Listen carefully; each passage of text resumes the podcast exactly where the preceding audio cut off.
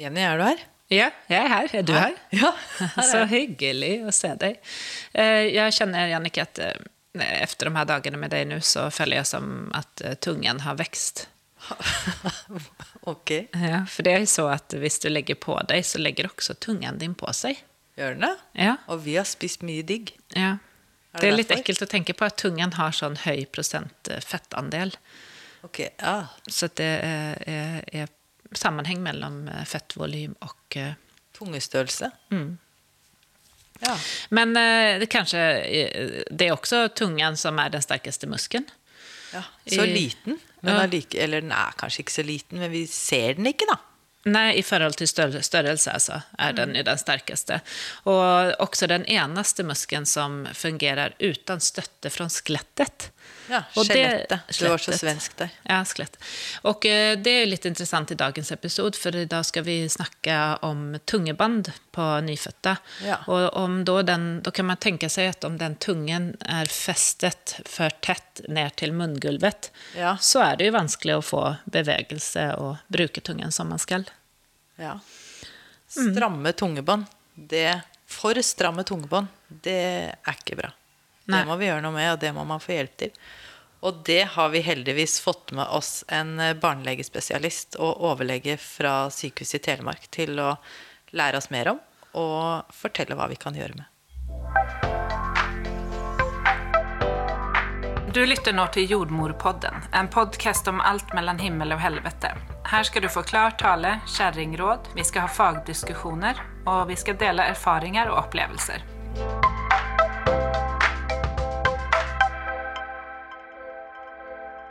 I dag er vi så heldige å ha med oss Cecilie Revhaug. Hun er barnelegespesialist eh, på sykehuset i Telemark. Og så jobber hun i, som ammehjelper i Ammehjelpen. Og så har hun en doktorgrad i Nyfødtmedisin. Ja, ikke sant? Hun kan mye. Hun kan mye, hun kan jo betydelig mer enn oss. Og så det vi ringer henne for, det er at hun også kan mye om tungeband. Stramme tungebånd. Det skal vi prate om i dag. Velkommen til oss, Cecilie. Tusen takk. Det er veldig hyggelig å få være med. Det er så hyggelig at eh, du ville stille opp på dette her, for det er jo et tema som er veldig i vinden for tiden, kan vi se på sosiale medier. Ja, det er jo foreldre, eh, foreldre prater jo mye om det her, og det er også et litt omdiskutert tema blant helsepersonell. Det er det. Men kan du fortelle oss først egentlig hvorfor du ble opptatt av strangt tungebånd? Ja, Um, det er jo litt eh, gøy når dere introduserer meg med lange og tunge titler. og eh, Jeg har jo brukt veldig mange år på å utdanne meg til å bli barnelegespesialist og, og tatt en doktorgrad i nyfødtmedisin i tillegg, så det, det har jeg brukt veldig mye tid på. Men ved siden av det så er jeg jo også et helt vanlig menneske og har tre unger. Ja. Um, og da jeg fikk den første ungen, så uh, hadde jeg jobba noen år som, som barnelegeassistentlege. Eh, og uh, jeg trodde jeg hadde litt oversikt over nyfødte babyer, og, og var heldig og gikk til termin med, i mitt første svangerskap. Og så kom den ungen ut, og hun var kjekk og fin, og hun kobla seg til tidlig, eh, rett på puppen, og innen de første 20 minuttene var gått, så hadde jeg sår på brystnova. Ja. Og det var jo et sår på et interessant sted. Jeg hadde ikke vært så sår der noen gang før. Og det ble i grunnen bare verre i løpet av de neste dagene. Så hun sugde, og jeg blødde og gråt. Og det var i grunnen ikke en veldig ok em, barselsperiode jeg hadde med henne, i starten i hvert fall. Nei. Og så så jeg jo at hun hadde litt sånn stramt tungebånd, men jeg hadde jo lært av de andre barnelegene eh, at stramme tungebånd gir ikke eh, ammeproblemer. Eller ja, det gir ikke ammeproblemer, da, hadde jeg lært. Det her er jo eh, 13 år siden. og vi gråt og, og amma og um, blødde. og det er veldig sårt da når du sitter der og kjenner at uh, puppen er full av melk, og ungen er klar som et egg, og, men det er så vondt at, at man gruer seg til ungen skal våkne og ha melk. Og det er jo sånn som man ikke kan være forberedt på før man får unge. og eh, uansett hvor mange titler du har på papiret. Ja. Så det å være, liksom, å være lege, barnelege sjøl, og, og så få en sånn baby når ting ikke funker Heldigvis var hun ikke sjuk i tillegg. Så var det veldig røff erfaring. da, Og da kom jeg i kontakt med Ammehjelpen. Og der var det jeg fikk den hjelpa jeg trengte. Eh, og med tida så, så fikk vi til at den uh, dattera mi fikk eh, melk, melka i seg, for det å få i seg melka var jo også vanskelig for henne. Så melken flomma, melka flomma over, og, og ungen greide ikke helt å overføre godt. eh, Så hun gikk dårlig opp i vekt i starten også, og ingen skjønte hvorfor. For det var masse melk og en frisk unge, og et veldig veldig stramt tungebånd, som vi skjønte etter hvert. Men eh, da, i den tida så var det jo Jeg tror ikke engang vi hadde smarttelefoner. Så det var liksom det med internett og sånt, det var ikke like lett å finne ut av. Og det var ikke noe, det var ikke noe hjelp egentlig å få i mitt eget fagfelt. Nei, som burde Men være der all hjelpen lå, egentlig. Ja, som man har klokketro på at jeg skal hjelpe. Og så visste vi jo det der med morsmelk og sånne ting, og jeg visste ikke det før jeg fikk unge sjøl, hvor intenst mitt instinkt var i forhold til å gi ungen min mye melk. Så det var jo også en sånn erfaring som jeg syntes var veldig overveldende. da det. Men eh, så var det da, og da fikk jeg eh, god hjelp der. Og kom inn i et miljø som, eh, som jeg syns var veldig viktig, og som gir en eh, hva skal jeg si, den, Ammehjelpen fyller et tomrom som det offentlige helsevesenet ikke alltid har kapasitet til. Da. Og det er jo også godt å vite at i Ammehjelpen så, så er det hjelp å få. Og det er mm, også det med at det er faglige, gode eh, artikler på den amme- Ammehjelpens side. Så når du er lege sjøl, så så vil man jo kanskje ha høyere krav til dokumentasjon og, og ja, i det hele Ja. tatt. Da. Så, det, så der kom jeg inn i Ammehjelpen, og det er jo såpass lenge siden at innen jeg fikk min, mitt andre barn, jeg tenkte at skal ikke det her bli like ille som, som forrige gang, og heldigvis, heldigvis hadde ikke han stramt tungebånd da. Så då gick Men han ble sjuk og lagt inn for alt mulig annet, men det, det passer ikke i denne historien. Da. Men så fikk jeg tredje barnet, og da var jeg ferdig utdanna barnlegespesialist. Og den ungen kom ut, og en, som de to andre så hadde vi veldig rolige, fredelige, fine fødsler på ABC. Og man skulle jo tro at forholdene lå godt til rette for god ammestart, og der var det igjen. Og det var enda verre enn det hadde vært første gang. Så der var jeg også sår før vi rakk å få snudd oss. Og det var utrolig frustrerende. Så, um, men da var jeg ganske klar på at tungebånd, det klipper jeg for sikkerhets skyld. Og Ja. det kunne jeg jo gjøre sjøl. Ja, gjorde du det selv? Ja da. Ja. Så det bare steriliserte i saks og, og klippte. For det er jo ikke en ny ting. Det er jo ikke en ny ting at man klipper stramme tungebånd. Det har vært kjent i hundrevis av år. Så eh, hvis du går langt nok bak i barnelegeboka, så, Ja. så kan man eh, finne det, da. Men eh, at det mest kanskje er en barsels- og jordmorgreie, akkurat det med stramme tungebånd, fordi at det har vært eh, jordmora og barnepleierne som har forholdt seg til de nyfødte, som ellers er friske. Så, um, så da klippte jeg tungebåndet til hun yngste hjemme i 2013. eh, Og i løpet av et døgn så var jo sårene mine grodd. Da var hun to-tre døgn gammel. Eh, Og, og da skjønte jeg jo at det burde jeg jo gjort med hun første Ja. Ja. den gangen da. Så det, var en, det er jo litt bittert, det må jeg si. Ja. Eh, å vite at den eh, barselstida og min inngang som mor ble helt annerledes. Samtidig så lærte jeg veldig mye viktig, og jeg tror at det har jeg, eller, og det vet jeg jo at jeg har tatt med meg inn i, i, i yrket mitt videre. Ja. Så om ikke annet så har jeg fått hjulpet mange andre etterpå. Ja, det var Ja, det jeg satt og tenkte på, at den bitterheten kan du jo overføre til det. For det er jo veldig hjelpsomt for veldig mange andre, da. Selv Ja. om du måtte lide for det. Og jeg tenker at når man har en egen erfaring så har man mye lettere til forståelse for mm. andre. Mm. Ja, vi er jo, altså helse, at, Å få jobb i helsevesenet er helt fantastisk. Det er jo, Og særlig sånn i, i fødsel, barsel, nyfødtomsorg, og det å få være der og, og gjøre noe godt i en så stor, viktig fase i folk sitt liv. Og sårbar fase, ikke minst.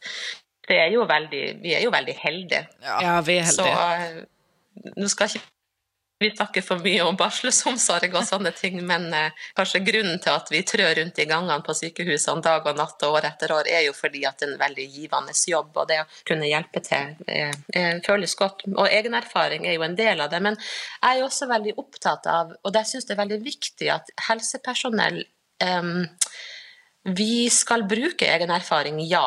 Men vi må være profesjonelle, og det er jo det mm. som er forskjellen. Mm. Det er jo det som er viktig. Og akkurat når det kommer til det med amming, det har liksom blitt en sånn greie for meg at jeg ser at eh, vi er veldig opptatt av at man skal bruke forskning og, og, eh, og, og faglig forankring i alle ting vi gjør og sier. Mm. Men når det kommer til amming, så, så, er det plutselig liksom ikke like mye fokus på eh, å bruke det som finnes av forskning og fagkunnskap. Selvfølgelig Selvfølgelig gjør vi det, og vi gjør det til en viss grad, men, men uh, amminga har jo ikke, dessverre um, Og nå snakker jeg jo generelt, kan du si. Det er selvfølgelig unntak fra regelen. Mm. Men, uh, men, amminga har fått en litt sånn der um, lekmannsrolle. Hvis vi ser på forskning og folkehelse fortjenesten av mm, mm. Amminga, så burde vi ta det enda mer på alvor i helsevesenet. Mm. Det samme som å gi trygge fødsler. Og, og selv om de myke verdiene eh, ikke kan regnes i tall på samme måte, ja, så er det jo akkurat det med amminga og barselstida spesielt da, som, eh, som vi ikke kan regne i tall, men som faktisk betyr noe. Ja. Og det kan regnes i tall hvis du ser på forebygging av brystkreft f.eks. og amming, eller ja, barnehelse og sånt. da. Mm. Så jeg er veldig opptatt av at når vi snakker om amming på, i helsevesenet, så skal det også være profesjonelt. Mm. Og det skal være basert i kunnskap. Mm. Men så er det jo sånn med kunnskap at det er jo forandrer seg fra mm. Det kan forandre seg over natta hvis plutselig noen har en revolusjonerende oppdagelse, ikke sant. Så kan man jo måtte snu på flisa. Plutselig mm. så først la man ungene på magen, og så fant man ut at, at oi, unger skal ligge på rygg som forebygger, forebygger krybbedår. Ikke sant? Mm, så, så, det kan forandre seg. Og litt sånn er det vel kanskje med tungebarn også, at vi, vi vet en del om tungebarn, men, eh, men um, i og med at det er ofte et ammeproblem, så kanskje har det havna litt litt under radaren. Vi må, være, vi må være profesjonelle og vi må bruke det vi kan, men vi må også være åpne for nye, for, um, nye ting. Da. Mm. Uh, og det er ikke så lett bestandig når vi er leger.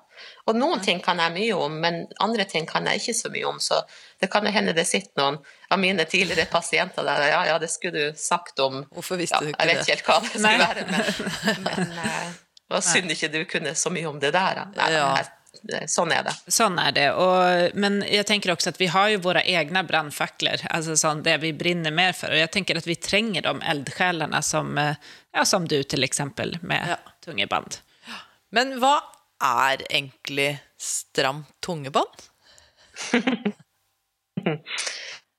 ja, jeg er jo litt sånn nerdete, så alle har jo tungebånd. Så alle mennesker er jo født med tungebånd. Og i tidlig, tidlig i fosterlivet, så eh, faktisk på embryestadiet, altså når, når, man er mer bare en sånn en sånn klump ja. de første ukene. Så da i uke ca. rundt uke syv av et svangerskap, det er jo før mange vet de er gravid. Da er det en sånn midtlinje inni denne eh, klumpen av celler som eh, er midten av den utviklende kroppen. det, det fosteret som blir utvikla. Og midt inni der er f.eks. tungebåndet, og navlen ligger der, og um, hjertet ligger på midten der. Sånn. Så i den utviklinga så skjer det mye veldig, veldig fort. Og det er sånn genetisk programmering som gjør at eh, tunga er egentlig festa helt i ganen fra tuppen og bakover. Men i denne uke syv da, så er det en del eh, celler som skal rett og slett legge seg ned og dø. Mm. og løsne nok til at du skal kunne ha ei bevegelig tunge. Det er de samme tida som ryggmargen også dannes, eller den her, hvis man får ryggmargsbrokk f.eks. Da har du mm. for mye, for mange av de cellene som legger seg ned og dør. Så du får en åpning i ringmargen. Så det, det skjer vanvittig mye i kroppen på den tida. Ja. Så hvis man, man kan gjøre litt sånne, man har gjort litt sånne studier på mus, jeg vet ikke om dere syns det er litt utafor dere ammende mødre der hjemme, men, men um, de musene som får en utviklingsforstyrrelse såpass tidlig da i um, utviklinga, der vil hele tunga være, sitte fast i munnen. Mm. Og så kan de ikke svelge en dråpe melk, og så overlever man ikke etter fødselen. Så vi vet at hvis tunga sitter helt fast, så får du ikke spist. Nei. Da får du ikke i deg maten. Nei. Men eh, Så alle har et tungebånd, og det er mer eller mindre bevegelig. Vi har jo han der eh, i Kiss, for eksempel. Han, Han er veldig. nok ikke noe problem å amme, skulle jeg tro. Og han, eh, ja. Han Mens et stramt tungebånd, altså det er jo egentlig bare en bindevevstruktur eh, mellom tungemuskelen og eh, munngulvet. Ja. Eh, og om det er stramt eller ikke, er en er, må man jo nesten se da under. Og det handler om hvordan det ser ut. Det finnes noen sånne eh, lister som eh, helsepersonell kan bruke. da Mm, De er fine for oss å eh, bruke. for å se Ja. på. De er veldig kjekke. Men så er det jo noe med funksjon. Og jeg tror det er der det blir litt vanskelig at hvis du skal liksom ha peiling på hvordan tunga funker, og se at suginga, diinga og melkinga av brystet, eventuelt i flaskedammen, og se hvordan det funker, det er jo en, det er jo en funksjonell undersøkelse. Så det er jo litt sånn vanskelig å, å, å vite helt når den puppen er inni munnen og ungen de er, ikke sant, så ser vi jo ikke inn. Man kan se med ultralyd. Vi jobber litt med en studie der man skal se litt med ultralyd, og noen andre har gjort det også. Ja. Det er veldig snesent. Da, det er veldig stilig. Så det blir spennende å se. Ja, fordi det er der man eh, diagnostiserer det på når babyen ligger på puppen, eller det er da man skjønner at det er noe som er galt. Vi ser jo alltid over et barn etter at det er født, og ser at de har ti fingre og ti tær, og um, at det ser fint ut. Men vi tar jo ikke Jeg pleier jo ikke å ta med tungebåndet i den Nei, undersøkelsen etter fødsel. Og hadde du vært i Brasil, så hadde du fått avviksmelding, for der skal du alltid sjekke tungebåndet på den der barneundersøkelsen. Ja. Det er lovfesta. Der ser du. Man. Det er godt jeg ikke jobber i Brasil. Men når man er litt obs på det, Ja. så, så gjør man jo det. Så jeg gjør det alltid. Ja, ikke sant? Men gjør alle dine så- kollegaer det? Nei, det gjør nok ikke alle leger. Og det har de ikke blitt opplært til, sånn at vi kan ikke være streng på dem for Nei. det. Nei. For det ligger ikke i standardopplæringssystemet vårt. Ikke sant? Men, um, så det, men man kan jo når man gjør en ammeobservasjon, altså en Observasjon. ammeobservasjon, Ja. da, eller, um, eller når jeg ser på ungene, så lurer jeg dem til å suge på fingeren min, og så kjenner jeg etter om tunga har sånne fine bølgebevegelser, peristaltiske bevegelser heter det på, på legespråk, da. Men ehm, og om tunga klarer å gjøre de her bølgebevegelsene som er eh, naturlige for tunga, når den ikke er tjora, når den ikke er bundet ned av f.eks. et stramt tungebånd. I en del sånne syndromer, og det trenger ikke de mødrene der hjemme å bekymre seg for heller, når jeg sier det, men i en del syndromer, f.eks.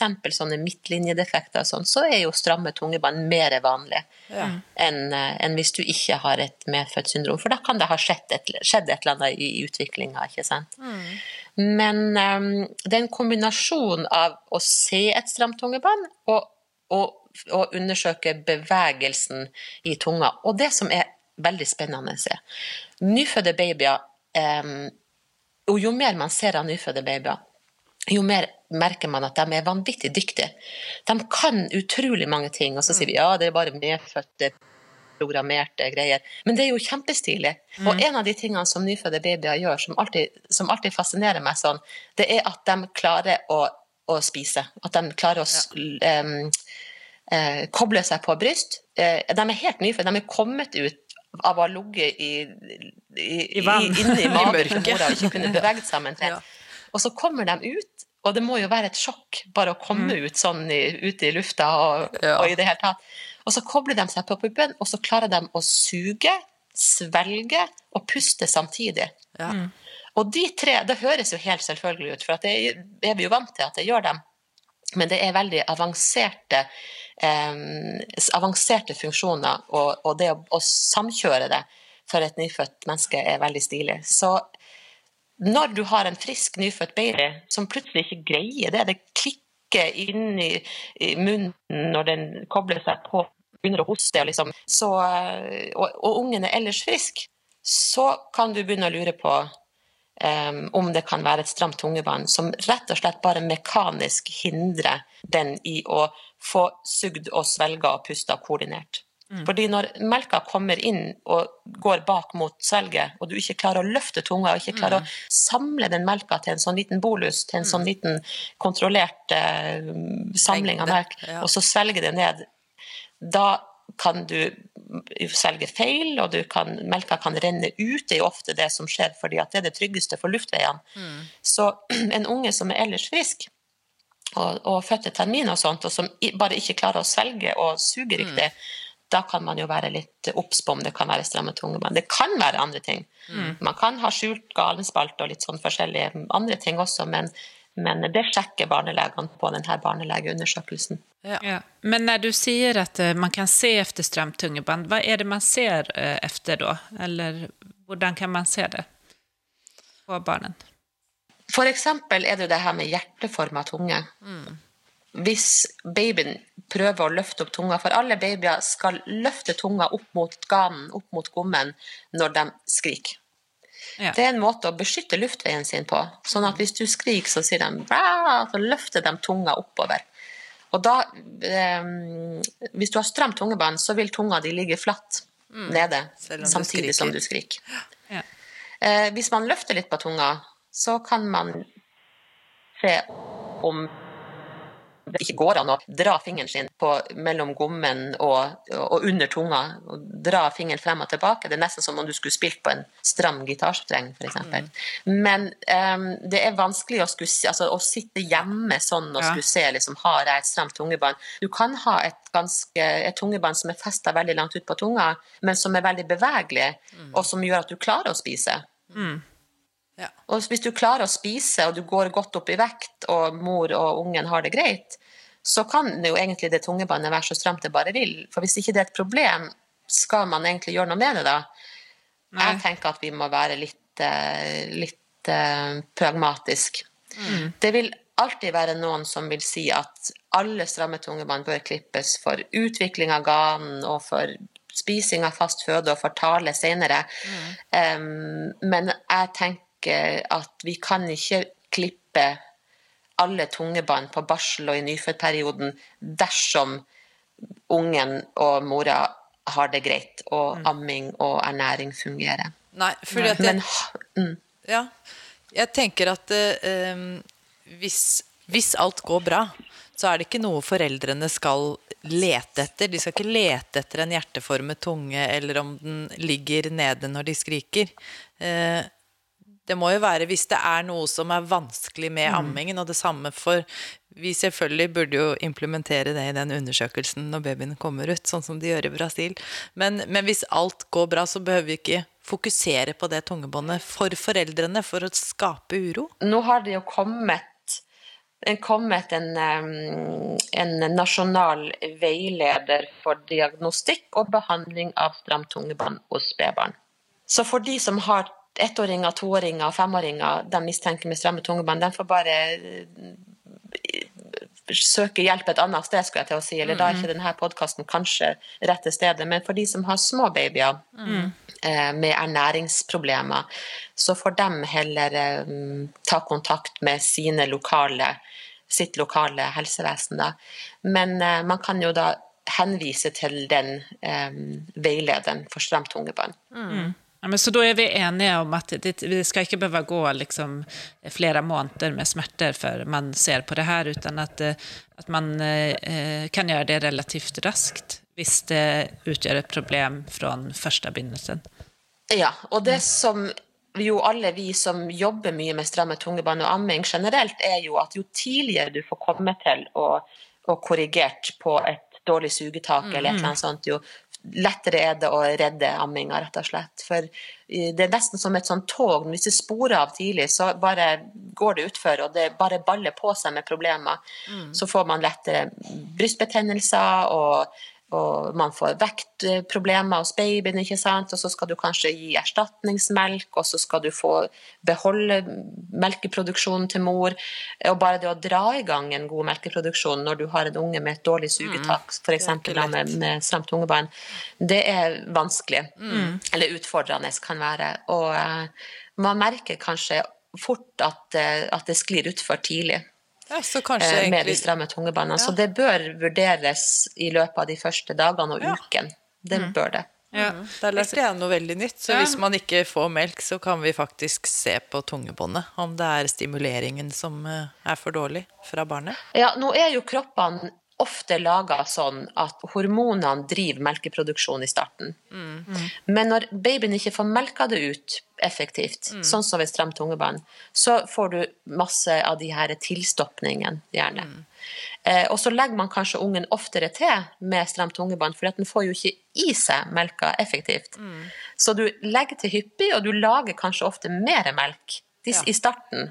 Mm. Fordi at du trigger melkeproduksjonen ved mm. at ungen er hyppig til bryst. Ja. Men du får ikke tømt brystet, så du får de problemene der. Ja, så brystbetennelser også. Brystbetennelser, de kan også være et tegn. Ja, og luft, ja. Altså luftsmerter hos eh, barnet og litt sånn gulping, kan det også være tegn til stramt tungebånd, eller? Nå begynner alle mammaene ja. og pappaene å lure på. Jeg har ikke lyst egentlig å Nei. gå så mye mer i detalj Nei. på for det kan være litt forskjellige ting. Men det er i hvert fall viktig å ha det på eh, lista av ting som kan gi mm. problemer. Mm. Ja. Og er, jeg har blitt overraska over at det er hyppigere eh, et problem, og særlig hos de som liksom, der mor har vondt der det er dårlig sugetak og smerter hos mor. Mm. Um, og da er det mange mødre som, som, tenker at ja, men så lenge ungen min går godt opp i vekt, ja. eller så lenge ungen min har det bra, så skal jeg tåle mm, smerten. Mm, men det syns jeg er veldig synd, fordi at det er ikke nødvendig. Nei. Man kan klippe et stramt tungebånd, og så kan mor få det mye bedre også. Og smerter og sår, det er jo en risikofaktor for um, for det første at man slutter å amme. At man mm. ammer kortere og slutter å amme. Og også for uh, betennelser og brystbetennelser. Så får du antibiotikabehandling, og da kan ungen få vondt i magen etter, og så har du det liksom gående som en sånn negativ spiral. Da.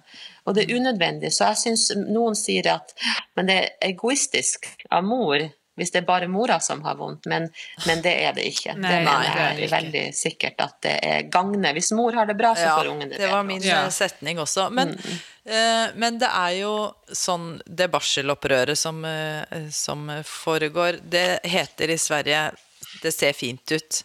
Og det er vel noe av det som også går igjen med stramt tungebånd som ikke blir diagnostisert. At vi gjør en ammeobservasjon, og kanskje flere, mange forskjellige gjør en ammeobservasjon, der hvor mor sier at det gjør vondt når barnet suger. Og så får hun se, nei, får hun høre at ja, men dette ser fint ut. Vi hører ikke noe lyder. Um, så det ser fint ut. Ja, det var jo akkurat apropos den der smertefulle egenerfaringa, da. Mm, Fordi at uh, det er veldig mange i barselsomsorgen, helsestasjonene, som, som, kan mye, og de ønsker veldig godt å hjelpe. Men når du, når du har utelukka de vanligste tingene, da sitter gjerne de stramme tungebåndsmødrene igjen mm. med plagene sine og babyen sine plager. Fordi at uh, det kan tilsynelatende se normalt ut, men hvis du vet hva du ser etter Det er jo sånn som med alt. Alt man mm. kan godt, er jo enkelt. Men det er ikke det hvis ikke du har fått opplæring til Nei. å se etter de spesielle tingene. Og Så når jeg gjør ei ammeobservering, så, så, vil jeg se etter et f.eks. et dårlig tak. Du kan se at ungen ser ut som den gaper godt, men hvis du dytter litt til puppen under, eh, mellom um, puppen og så haka til babyen, så ser du kanskje at du har et halvt sugetak. Så i stedet for at det er helt, så er det et halvt sugetak. Um, men det blir, jeg syns også det er litt vanskelig å skulle sitte sånn og si det på en podkast. Ja. Diagnostisering av stramme tungebånd og gjøre ammeobservasjoner er jo en kunnskap mm. som jeg har brukt lang tid på å lære meg, um, og som vi må tillate helsesykepleierne og barselspersonale og, og de skal hjelpe med amming, eh, må få muligheten til å lære seg Og jeg muntlig, muntlig i en podkast. Nei, og nå sitter jo du, vi ser jo deg, eh, og du sitter jo og viser hånda med halvt og helt sugetak. Og selv jeg som har gjort mange ammeobservasjoner, kjenner at det er vanskelig. Så jeg tenker at dere som hører på dette, det, det er veldig vanskelig å skulle begynne å prøve å trykke på haka og se om Eller mellom puppen eh, og haka og se om det er halvt eller helt sugertak. Ja. Overlate til helsepersonell. Ja, og det er klart når dere har meg på glid her på, i praten, så, så um, er det litt vanskelig å stoppe meg. Nei, Men em, for enga, har, engasjementet mitt er jo, er jo ekte, og em, jeg vurderer amming mange ganger i uka og har et godt samarbeid med ammepoliklinikken og barselsfolkene på min jobb, så vi har et kjempefint system, og vi har en ammepoliklinikk som er tilgjengelig for mødrene i, i vårt fylke Så så lenge babyen ammer. Ja. Og det er jo ikke det som er standarden i resten av Norge. Nei, exakt. Det er det Så som... derfor så er det jo litt sånn Det føles nesten litt urettferdig å skulle sitte og fortelle om det tilbudet vi har, Ja. og så vet jeg at det ikke er likt i hele landet. Men derfor så tenker jeg at den, den, eh, den veilederen som helsepersonell kan forholde seg til, er standardisert, og så føles det tryggere da, hvis det er et fagfelt, eller et, en del av eh, fagfeltet ditt som man ikke er helt sikker på, eller ikke har så mye erfaring med.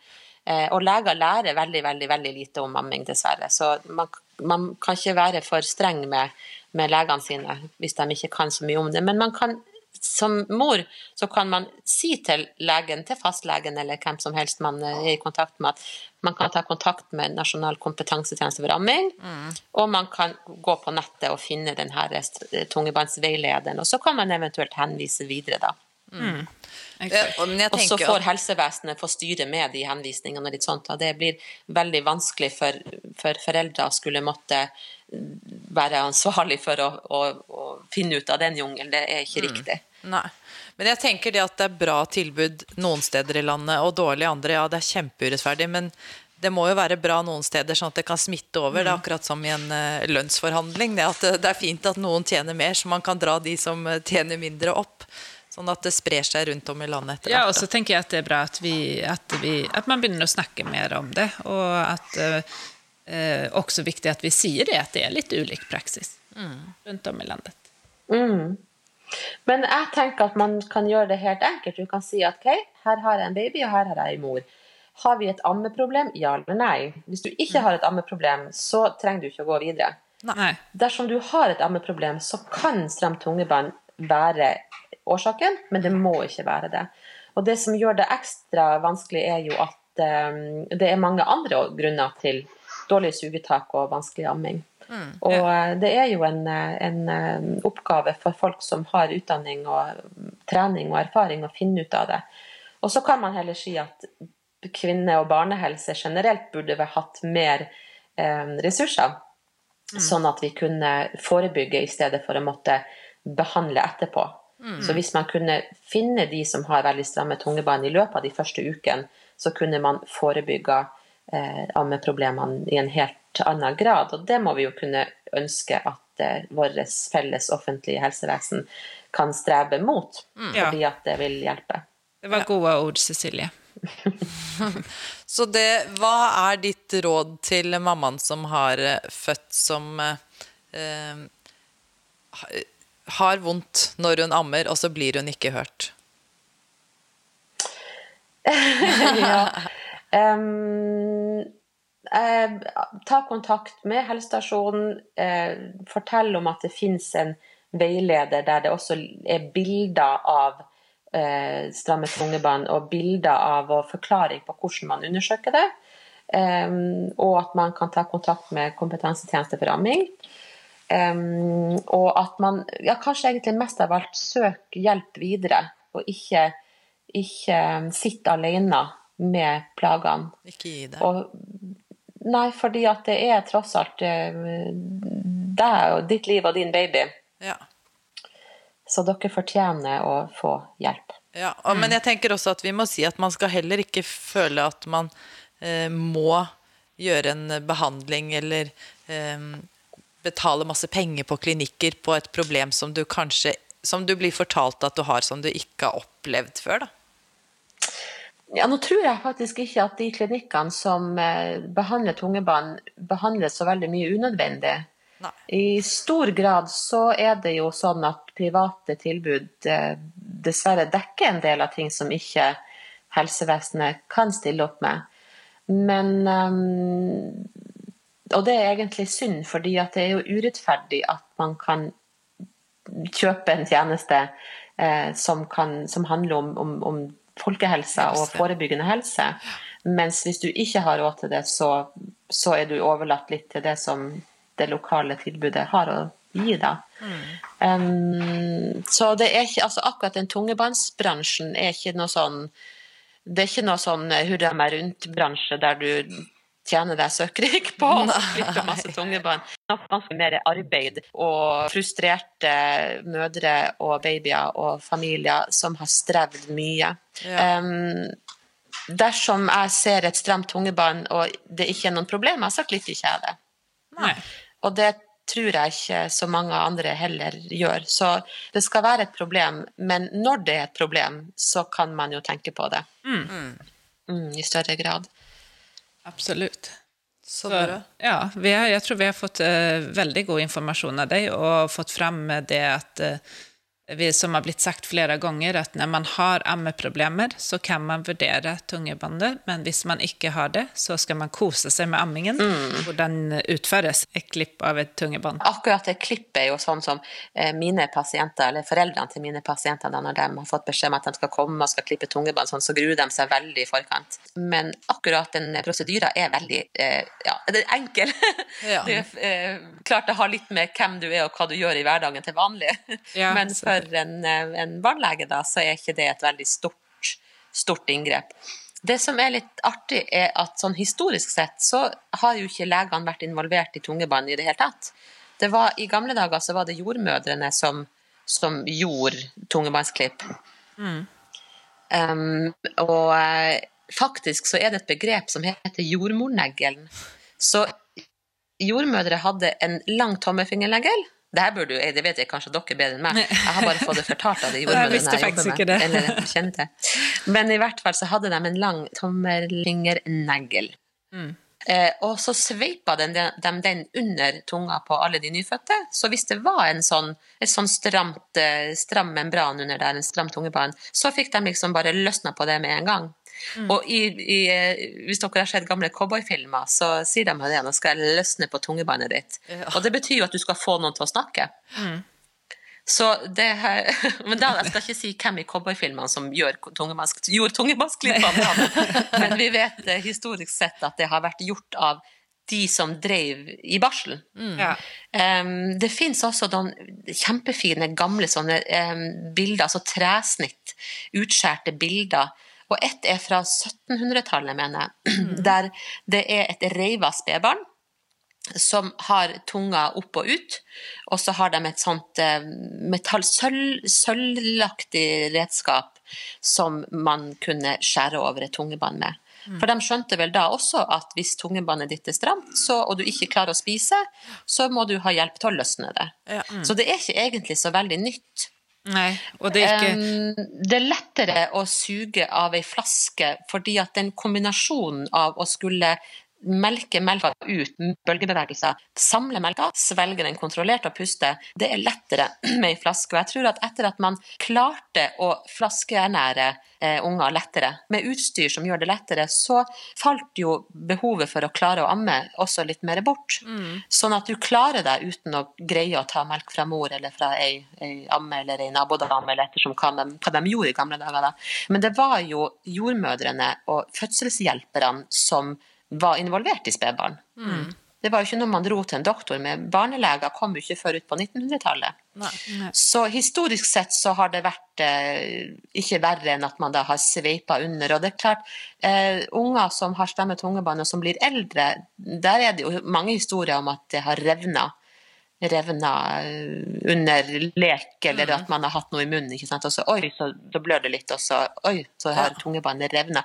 Det er ikke noe ok måte å få løsna tungebåndet sitt. det Mm. Så den metoden vi bruker nå til dags, er Jeg lærte Jeg var på opplæring i London på, på um, Kings College eh, Hospital. Der var det en eh, barnekirurg som, sånn, som, som hjelper til på en sånn tungevannsklinikk. Og det er i hovedsak sånne internasjonalt godkjente ammehjelpere, mm. IBCLC, er det ikke det det heter? Jo, mm, det heter det. Som, som utfører eh, tungebåndsklipp. Og det kan man jo diskutere for så vidt det også, men da er jo tilgjengeligheten til å få behandla tungebåndet sitt mye større, større enn mm. her, som, vi, som det er leger som gjør det. da.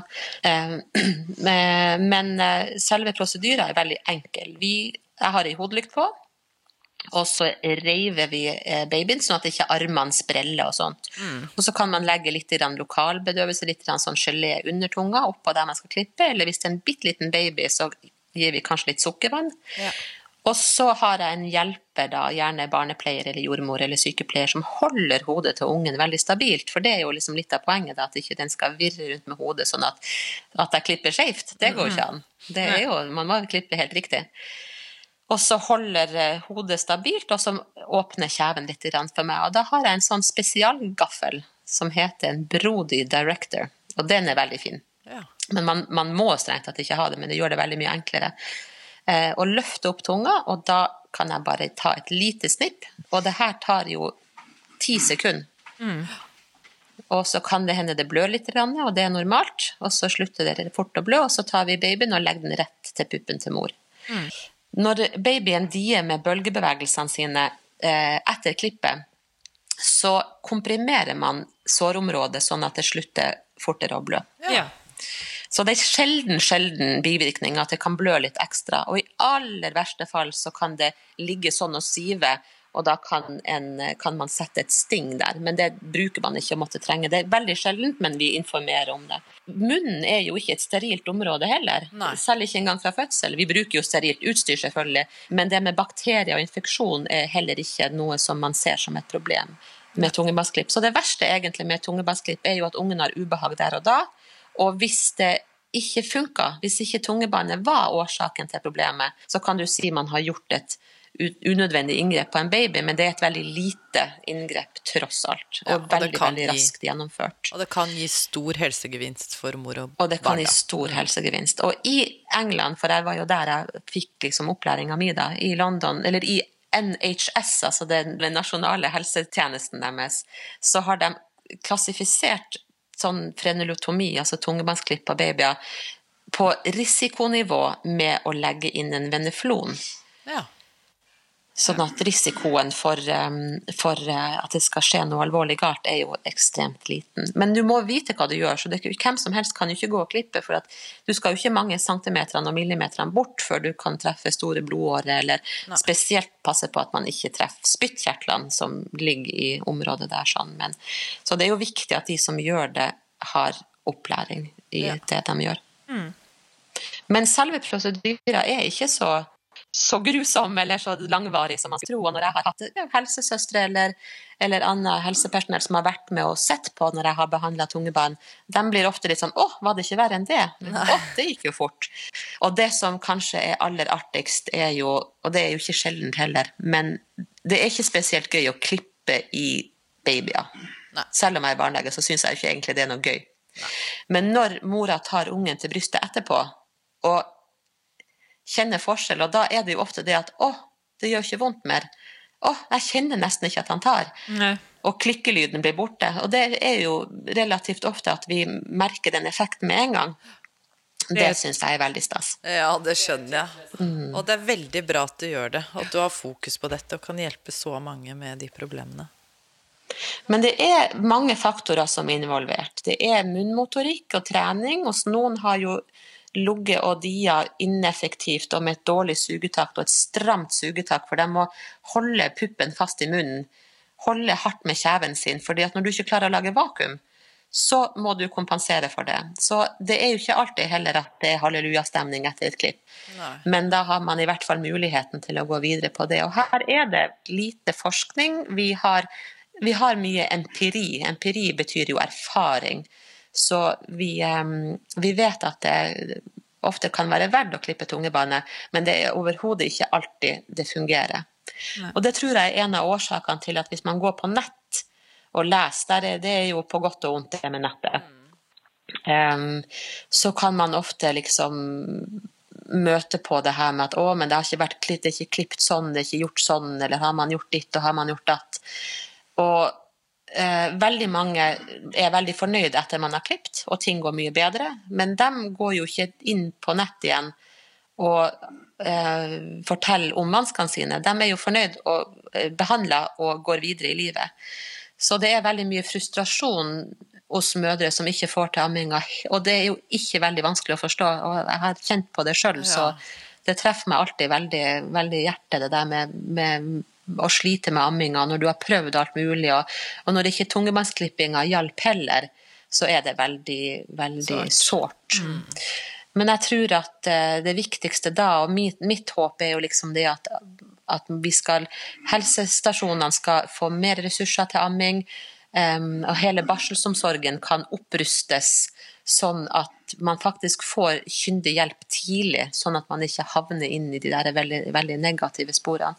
Ja. Og strengt tatt så bør ikke en barnelege måtte gå rundt og og involvere seg i amming. Jeg skal jo passe på de syke ungene. Men um, i helsevesenet generelt da, så tenker jeg at det er veldig mye å hente på å, å ruste opp barsel. Helt barsel og helsestasjonene, for det er der det, er der det viktige skjer. Mm.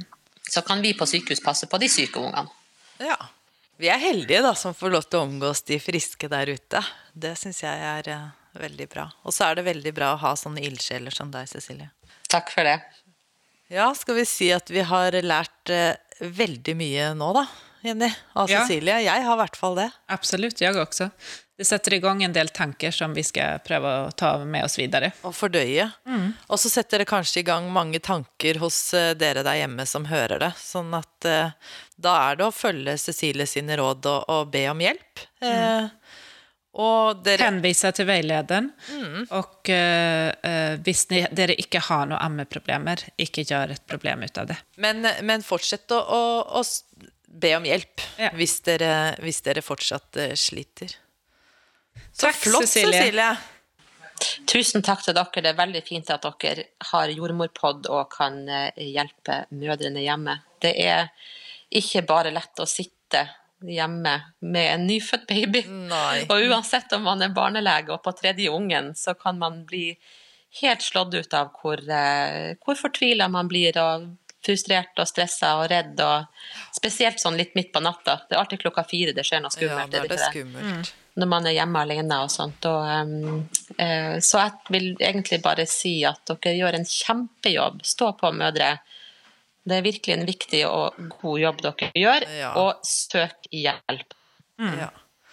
Det var fine avskjed. Og du kan lese på Ammehjelpen sin nettside. Der står det mye lurt, og den er åpen klokka fire på natta. Ja. Selv om ingen nødvendigvis svarer på telefonen, da, så kan man få god kunnskap og, og trygge råd hos Ammehjelpen. Og der Ja. syns jeg ofte det står så fint at du er ikke alene, sånn at man liksom vet det at dette gjelder ikke bare deg, det er flere som deg, så det er hjelp. Også nybakte barnelegemødre sitter hjemme og gråter. Ja. Og det er fint. Jordmødre mødre også. Ja, vi, vi også Jordmormødre. faktisk. Jordmormødre. Ja. Ja, men tusen takk, Cecilie. Eh, Det var veldig nyttig og fint å ha deg med. Tusen takk. Denne episoden er jo laget i samarbeid med Bibi Hugme, eh, vår samarbeidspartner. Dere kan gå inn på bibihugme.com og se på produktene deres. Ja, de lager produkter for gravide kvinner og nybakte föräldrar. Och det er bærekraftige løsninger som tilpasser seg kroppens behov for støtte, søvn og hvile. Ja, skikkelig bra produkter, altså. Fin å bruke i eh, hjemmefasen i fødsel, i starten.